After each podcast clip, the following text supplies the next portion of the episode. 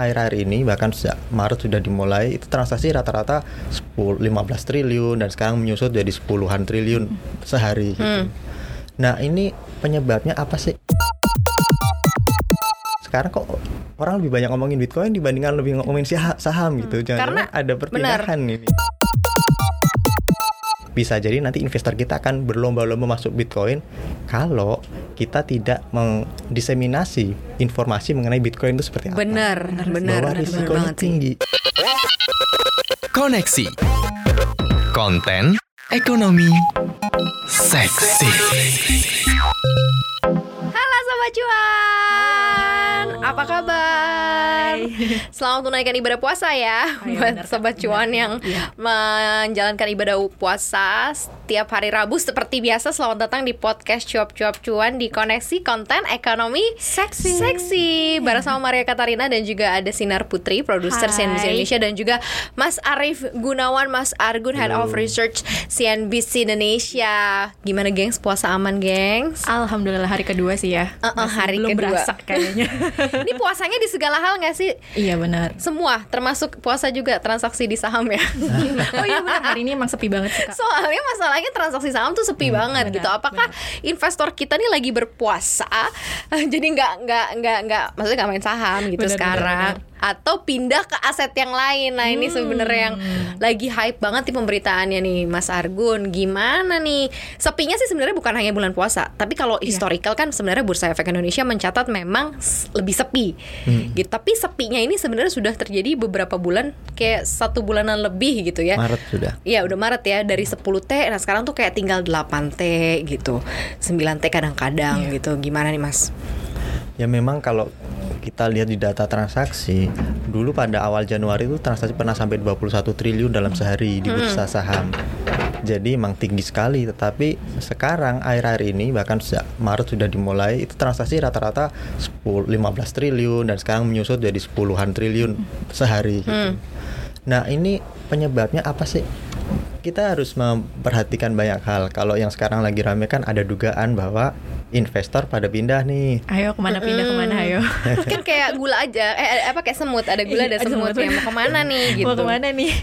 Iya nah itu yang jadi eh, sekarang kan orang mengait-ngaitkan saham kita sepi sementara ada aset lain yang naiknya tinggi sekali beberapa kali cetak rekor yakni cryptocurrency ya, Oke. atau mata uang kripto ada itu sebutan umum lah untuk mata uang kripto itu Ya, tapi ya. kalau jenis yang paling paling awam ya Bitcoin, Ethereum, kemudian ada Ripple.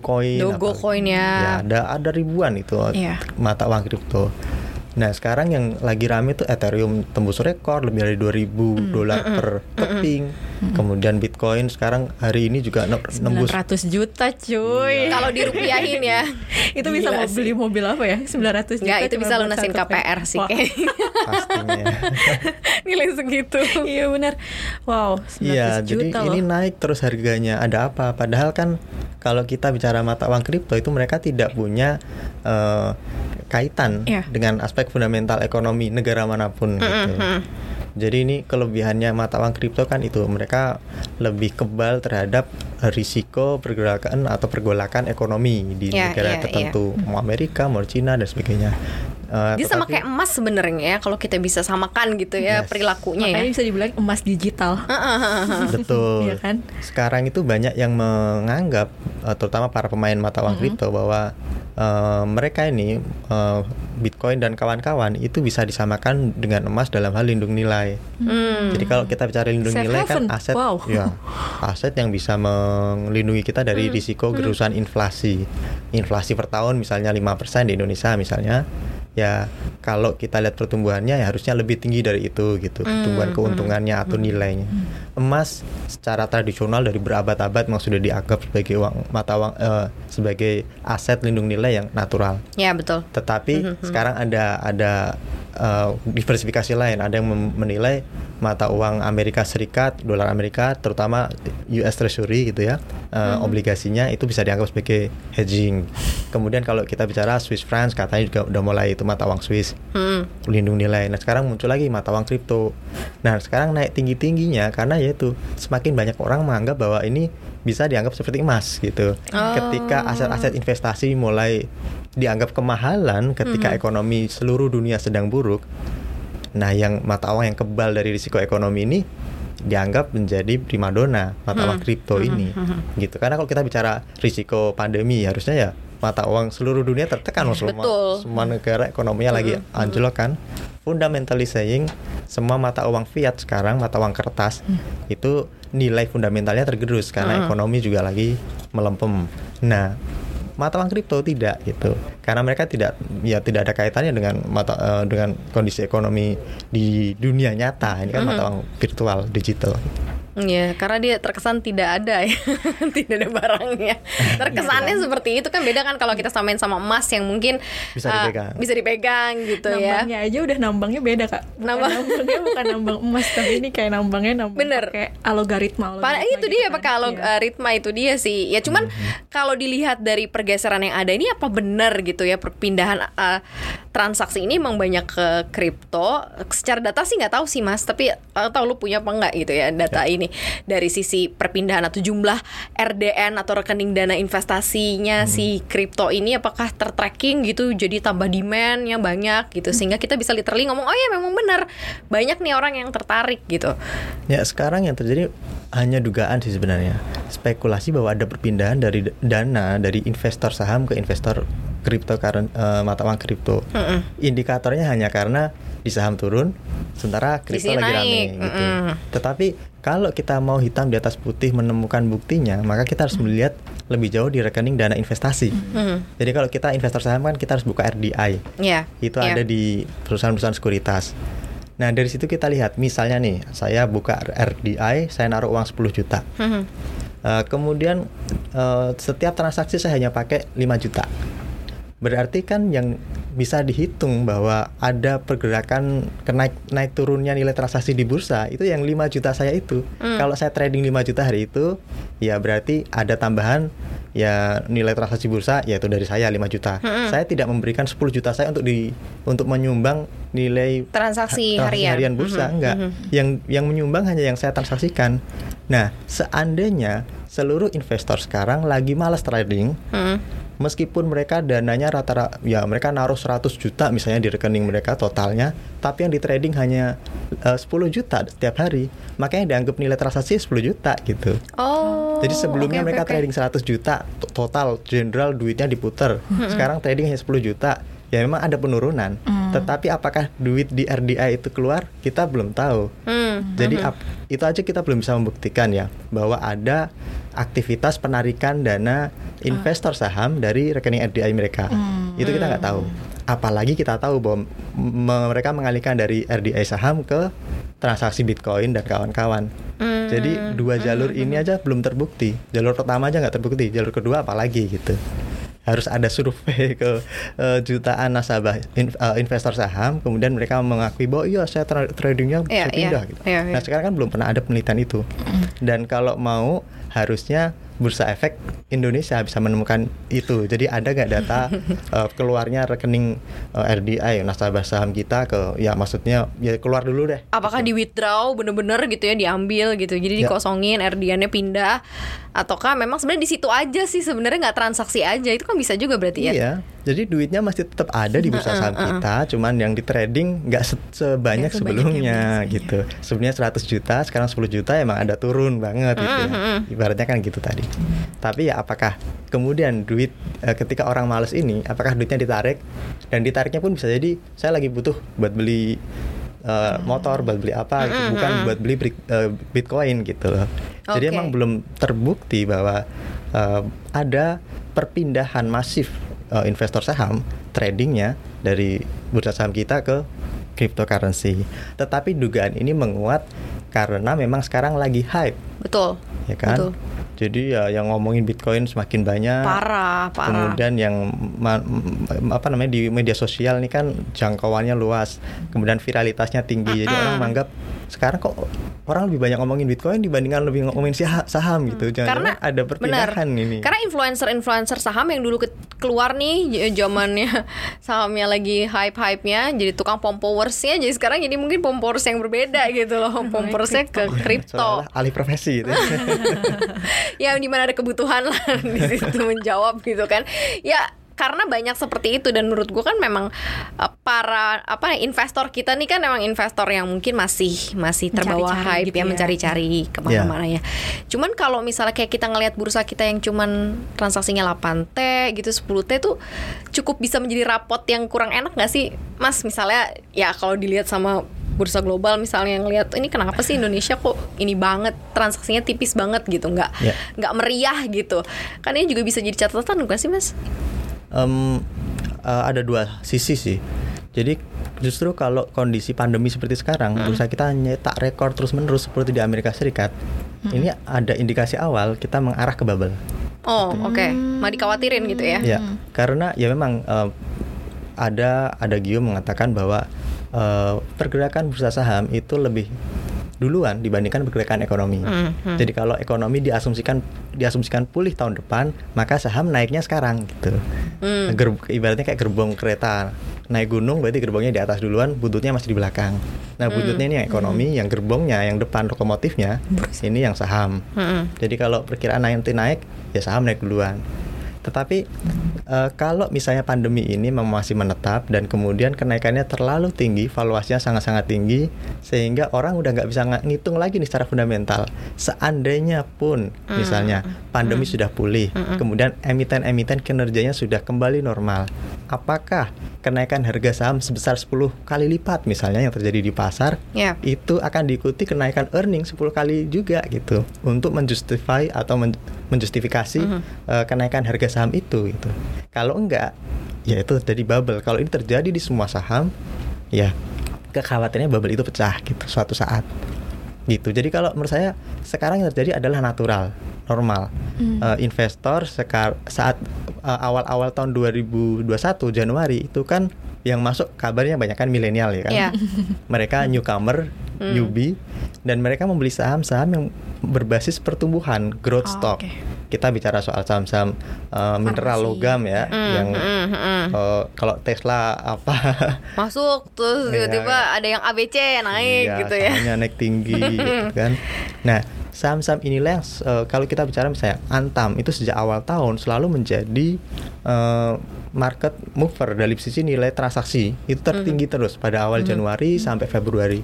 Tren itu mulai bergeser pada Maret setelah kabar masuknya Tesla dan juga perkembangan hype-nya uh, baterai listrik gitu itu mulai surut.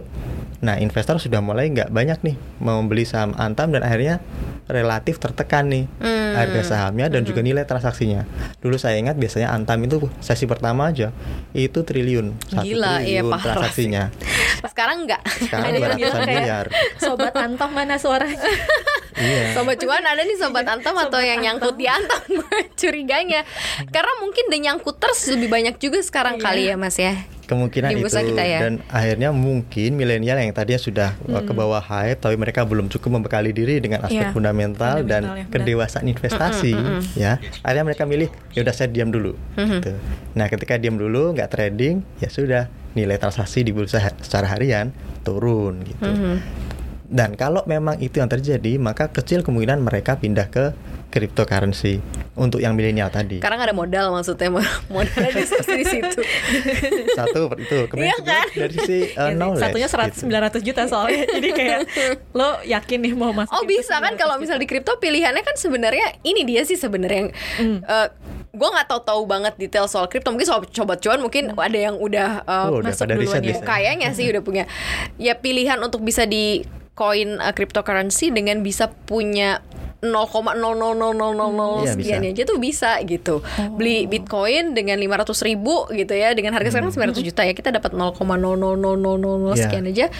Itu juga bisa dan itu bisa kalau sekarang harganya all time high terus kan ya yang beli cuman secumit-cumit itu pun juga dapat keuntungannya Oh, gitu. Aku pikir itu aku juga nggak tahu sih kak. Tapi aku pikir tuh kayak ya udah beli bitcoin itu ya beli satu bitcoin ini harganya 900 juta gitu. Enggak ya? Ternyata bisa. Ternyata itu bisa dipecah-pecah kayak Ini gitu. ya. kayak kayak rokok bisa diketeng Kayak ket, ya ketengan. kayak beli rokok. ini beda dari saham kalau saham kan kita nggak beli satu Iya, saham itu dia. belinya satu lot ya kan tapi kalau di bitcoin sebaliknya satu itu bisa dipecah-pecah dibagi banyak orang. Hmm, tapi kalau kita lihat berarti kalau gitu sekarang mungkin kita harus memahami juga ya karakteristik investor kita nih kayak gimana gitu. Sekarang kan kalau kemarin-kemarin ke saham-saham gitu. Nah, sekarang ini lagi yang ada yang hype gini eh, koin-koin gitu ya. Entah deh kayaknya mereka juga nggak terlalu berpikir eh, perlu apa pemahaman yang matang. Karena di sosial media nih kalau kita cari informasinya udah tumpah-tumpah mas. Sudah banyak banget gitu. Entahlah mereka memahami separuh 50% atau 70% nggak tahu. Pokoknya yang penting punya dulu. Karena dia ngeliat di situ ada ada returns nih ada keuntungan gitu. Yang cepat apalagi transaksinya 24 jam ya. Oh iya benar. 24 jam gitu. Sekarang kayak nungguin sahur mungkin. Sambil nambang ya. Kayak, Nambang. Mana nih? Iya. ya mungkin kayak gimana ya sebenarnya karakteristiknya masyarakat Indonesia nih secara keseluruhan gitu Saya khawatirnya itu masyarakat Indonesia sekarang memang semangat investasinya tinggi gitu ya. Mm-mm. Eh, Tetapi karakter mereka itu mereka masih lebih orientasi pada keuntungan profit dan uh, Oh, iya, gain gitu iya, ya. benar, Mas. Which is natural, uh, wajar itu. Semua investor pasti ingin untung. Tetapi kalau misalnya tidak dibarengi dengan uh, mawas risiko ya, yang terjadi adalah investor ini akan menjadi kapok. Kapoknya bisa kapok uh, lombok gitu. Jadi udah nggak mau lagi gitu. Ini yang jadi khawatiran. Seandainya Anda ingin berinvestasi, maka ya itu harus mawas risiko boleh kalau mau masuk cryptocurrency silahkan gitu tetapi ngertilah resikonya gitu pahami jadi kalau emang itu kejadian jangan nangis bombay. Harus dengan tegar gitu kan. Kayak kayak satria Jepang yang kalah perang gitu. Nah, mau Iya, hara iya. kiri harusnya kayak gitu gitu. Karena udah tahu risikonya seperti ini dan itu terjadi gitu. Kalau dia udah tahu dan bisa menghindari ampuh. Gain cuan gitu. Tapi kalau enggak ya harus di, di ini harus harusnya bisa me- menolerir dari eh, exposure risiko itu. Misalnya anda beli bitcoin saat ini ya nggak apa-apa tetapi harus dipahami bahwa bitcoin itu nilai intrinsiknya tidak ada jadi jangan samakan seperti beli emas pertama Mm-mm. kemudian kedua kalau dari aspek keamanan memang aman bitcoin itu eh, secara apa namanya secara natural eh, di iklim digitalnya mereka nggak bisa dihack karena oh kalau iya iya iya. kalau kita bicara Bitcoin berarti kan kita bicara teknologi blockchain. Mm-mm. Blockchain itu ya blok-blok lah, blok-blok data. Mm. Dan setiap blok itu informasinya ada dipegang ribuan orang. Iya. Jadi kalau hacker mau mengubah data itu untuk meng- mengubah misalnya ada satu blok milik Bitcoin miliknya Maria, Mhm. saya ingin mengubah ini jadi milik saya. Maka saya tidak bisa mengubah atau menghack bloknya Maria doang. Tapi saya harus ngehack blok milik semua orang yang ada di dunia ini yang pegang satu chain yang sama dengan Mhm. eh, eh, apa Bitcoin yang dipegang oleh Maria. Dan itu tidak mungkin. Akan butuh superkomputer dan juga energi yang sangat besar, maksudnya eh, listrik gitu Nah, itu dia untuk tuh benar. nge-coding itu. Jadi memang aman. Tetapi kalau bicara valuasi, sekarang valuasinya berdasarkan apa sih Bitcoin ini? Naik tingginya berdasarkan apa? nah itu Nggak ada. Nggak ada. Misalnya kalau permintaan permintaan doang demand demand Ya. ya kan kita demand dan Supply, spekulasi, ya, spekulasi. dan cuitannya Elon Musk. Elon Musk. itu paling kena mas justru mas. Yang gitu sekali cuit. Duitnya bisa beli apa mobil Tesla pakai Bitcoin? Ah, ah, langsung. langsung. Langsung. seorang Janet Yellen aja memberikan Iya. statement ya. Naik cuman bertahan Iya, satu hari kali ya turun waktu itu. bis itu nggak ngaruh lagi tuh. Ya. Artinya adalah reaksi pasar ternyata jauh lebih jauh Ya, lebih ya berbeda Terlalu volatilitas, volatilitas berarti ya mas ya. Iya, iya. Karena kalau kita misalnya memang di saham juga volatil kan? Iya betul. Iya. Tetapi perlu diingat, volatilitasnya itu terukur. Hmm. Jadi sevolatil volatilnya saham Unilever misalnya, dia tidak akan mungkin anjlok misalnya me- me- di bawah perhitungan pasar dia. Iya, iya, gitu. iya, iya. PI-nya rata-rata yang fairnya berapa orang udah tahu. Kalau anjlok banget di bawah itu dan tidak naik-naik itu tidak mungkin. Hmm, hmm. Hampir tidak mungkin. Eh, sebaliknya saham Astra misalnya. Kalau kita bicara saham-saham gorengan ya oke lah kita nggak ngerti ya evaluasi itu udah nggak dipedulikan lagi. Orang hanya lihat chart dan ya demand kayak gitu eh, di pasar. Kalau di Bitcoin ini orang itu beli bisa jadi sekarang kita pegang harganya lagi 65 kalau besok turun jadi 30 kita nggak bisa eh, berpatokan pada apa pun gitu betul betul drivernya nggak ada. Saya pegang rupiah sekarang atau pegang dolar Amerika. Ada kabar buruk pemboman misalnya di Amerika misalnya, jangan di Indonesia, di Amerika. Iya, di, di sana ya jauh-jauh Terus ekonominya membu- eh, dikhawatirkan ambruk. Mata uang dolar akan melemah misalnya. Iya. Itu bisa dipahami. Tapi kalau di Bitcoin, itu Bitcoin. ya tidak ada aspek fundamental yang jadi pertimbangan untuk investasi. Pure spekulasi itu. Kalau Anda mau pegang Bitcoin mending nih, mending menambang. Jangan beli di Oh. pasar sekunder. Oh. Gitu. Karena kalau menambang kan Apa di- berarti- ada apa, apa bedanya, Mas? Kalau menambang itu berarti kita eh yang gini, kalau kita harus pahami dulu Bitcoin. Jadi kalau Bitcoin itu kan ibaratnya gini, kita kan per- pernah kan kita ke time zone dulu. Iya, iya, iya. Yang Ah, sekarang, ya. keluar tiket-tiket nih. Kalau main. tiket-tiket. Nah, kalau main kan kita masukin koin tuh. Iya, masukin koin. Nah, Sekarang kalau pakai kartu mas. iya. Nah, sekarang kartu. Biarinlah itu zamannya dulu. Zamannya Mas Argun dulu. masih pakai koin, sekarang udah pakai kartu. Iya, yang yang gampang untuk Iya, iya, iya. menganalogikan dengan Benar, Bitcoin. Ini yang koin koin koin itu gitu. Nah, bayangin koin yang dikeluarin time zone itu eh, sekarang diminati orang. Orang-orang mikir wah, saya pengen ke time zone ah gitu. Eh, saya mau beli koinnya gitu. Heeh. Sekarang orang kayak gitu. Dan kemudian time zone-nya sendiri mengumumkan ke publik. Saya memberikan peta peta harta karun Mm-mm. yang nanti berisi eh, koin-koin time zone. Nah, silakan teman-teman mencari peta harta karun itu. Mhm. Maka mereka pada nyari, kemudian dapat koin itu yang mau dipakai nanti di time zone. gitu. Iya. Bitcoin kurang lebih seperti itu. Mhm. Jadi mereka eh, menerbitkan eh, apa namanya ya koin-koin ini dengan eh, algoritma sendiri dengan ledger sendiri dan di situ nanti ada data-data yang mencatat siapa yang bisa meng, me- apa namanya memecahkan Mhm, gitu ya mhm, mhm. teka-teki algoritma itu maka akan mendapatkan eh, reward kalau Bitcoin 12,5 keping Bitcoin Iya. sekali dia mendapatkan. Nah itu nanti akan eh, ada DNA-nya gitu bahwa ini memang sudah diterbitkan. Kemudian ada sertifikatnya bahwa ini dimiliki oleh si A. Hmm. Dan kemudian itu dicatatkan di semua eh, blok-blok chain itu. Kalau saya misalnya Arif punya segini eh, 12,5 Bitcoin, eh, udah nggak bisa diubah itu. Oke. Jadi kalau anda ingin memiliki Bitcoin bisa dengan cara memining tadi menambang. tadi. Menambang itu. Dan itu nanti ya Oke. yang dihitung hanya cost ketika Anda harus memakai komputer memakan listrik. listrik, Listrik. berapa gitu. Dan komputernya nyala berapa Iya. sampai jebot sampai rusak ya udah costnya berapa. AC. Bandingkan dengan harga Bitcoin yang 12, koma- eh, yang 12,5 Bitcoin itu setara dengan berapa. Hmm. Kalau it's worth misalnya masih layak ya nggak apa-apa, Hmm. lebih menguntungkan gitu. Dan sekarang dan banyak kok yang menambang di Indonesia banyak-banyak. karena uh, tarif listrik kita masih lebih rendah dibandingkan negara-negara lain. Ada Tarif orang yang listrik. pindah ke Indonesia yang untuk menambang Bitcoin ada. gitu. Jangan sampai nanti yang menambangnya kena subsidi ya. Jangan sampai tu- Indonesia menjadi tujuan menambang Bitcoin Karena, ya karena ke listriknya depan lebih ya. murah dibanding Singapura atau Malaysia dan sebagainya misalnya.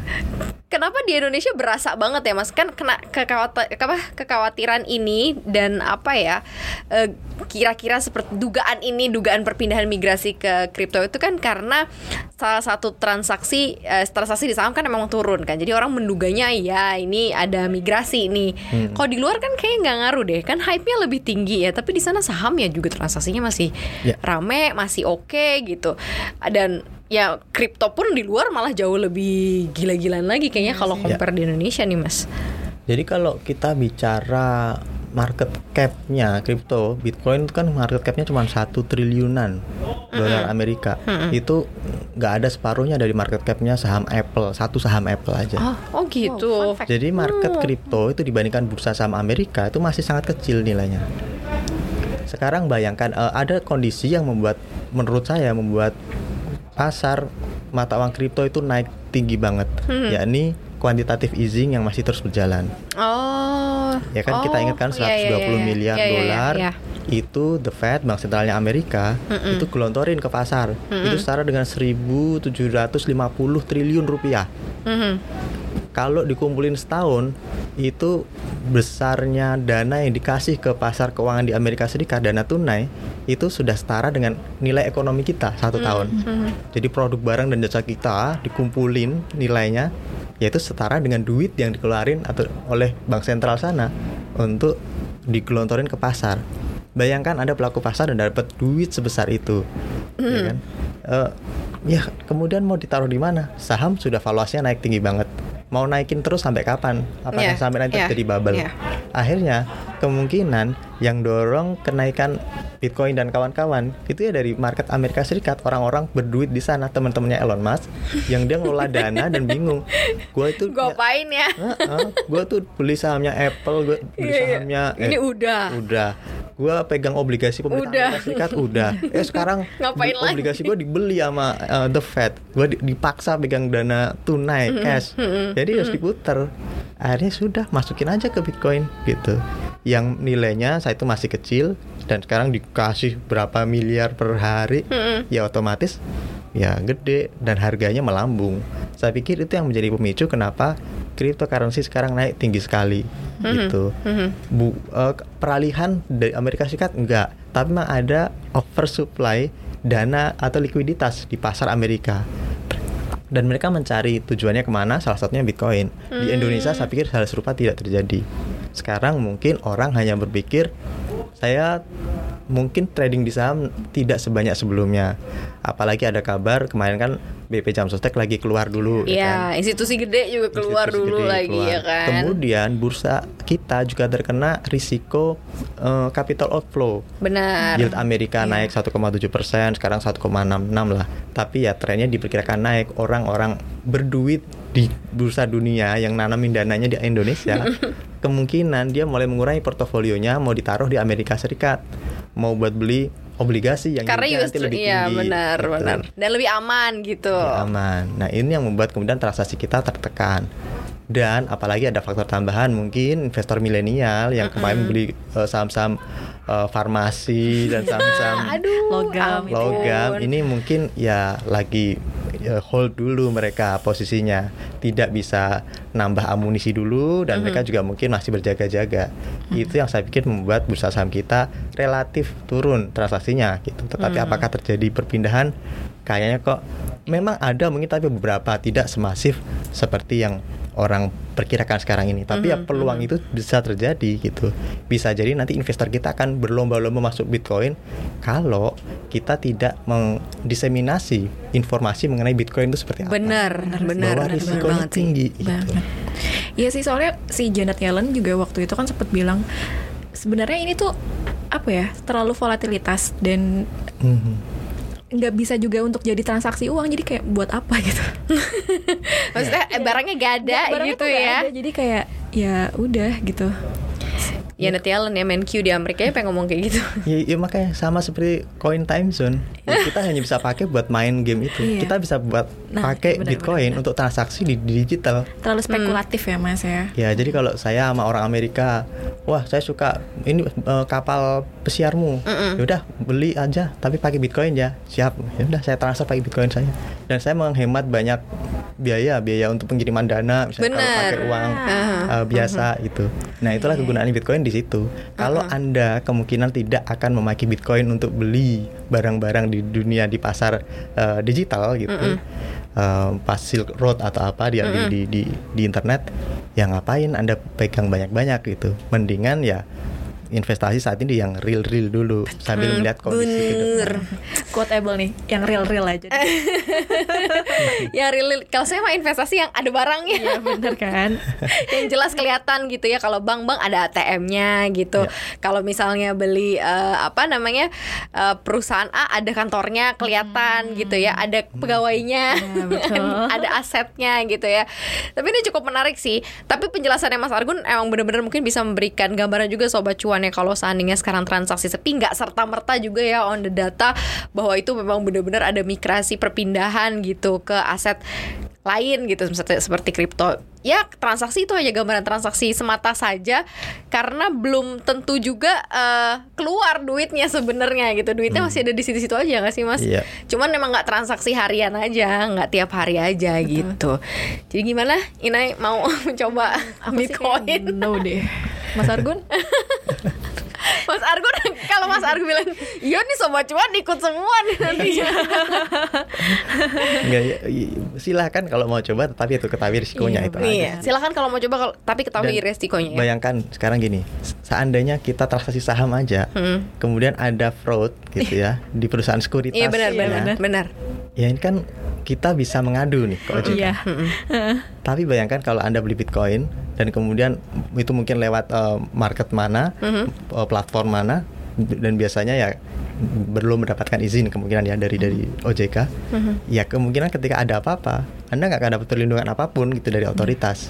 Itu itu Oke. risiko yang harus diperhitungkan juga. Apalagi kalau Anda tradingnya langsung sama uh, marketplace atau platform dari Iya, benar. Amerika Serikat. Benar. Mau mengadu ke mana? Kemarin kan ada rame itu ada yang ditipu karena ya tuh karena katanya dia beli uh, cryptocurrency, tapi ternyata duitnya nggak jelas ke mana. Mhm, mhm. Lagi rame kemarin diberitain. Nah, risiko seperti itu harus diberi, diperhitungkan gitu. Betul sih. Balik lagi ya back to the Market resiko ya. Iya market conduct lah itu yang paling penting ya. Mendingan matengin dulu eh, pengetahuan investasi di satu instrumen gitu ya. Setelah itu kalau memang udah bener-bener oh ya gue butuh diversifikasi masih banyak sih sebenarnya pilihan Iya, diversifikasi bener. yang lain ya. Mhm. Ya kurang lebih seperti itu sobat cuan koneksi kita mudah-mudahan bisa memberikan pencerahan juga untuk para sobat cuan yang masih bingung sekarang mungkin the nyangkuters nggak apa-apa nggak usah sedih ya. Besok kita bisa lihat lagi nanti mungkin market kecil-kecil lah naiknya tapi lumayan lah ya mungkin bisa jadi teman baiknya para sobat Karena cuan. satu persen ya kak naiknya. Oh, walaupun kemarin koreksi-koreksi hari ini juga lumayan ya. Jangan lupa untuk uh, follow akun Instagram kita di @cuap-cuan, dengerin juga cuap-cuap cuan di Spotify, Apple Podcast dan juga Google Podcast. Jangan lupa kita juga ada YouTube ya. Jadi kalau mau lihat nih keseruan kita ngobrol-ngobrol di koneksi, kamu juga bisa nonton langsung dan lihat studio cuap-cuan langsung gitu ya. Langsung saja bisa uh, subscribe di YouTube channel kita di uh, cuan job cuan ya. Jadi langsung saja bisa langsung subscribe di situ. Thank you ya guys sudah dengerin hari ini. Stop semangat. Mereka Tarina pamit. Inai pamit. Hai Argun pamit. Bye dadah. Bye -bye.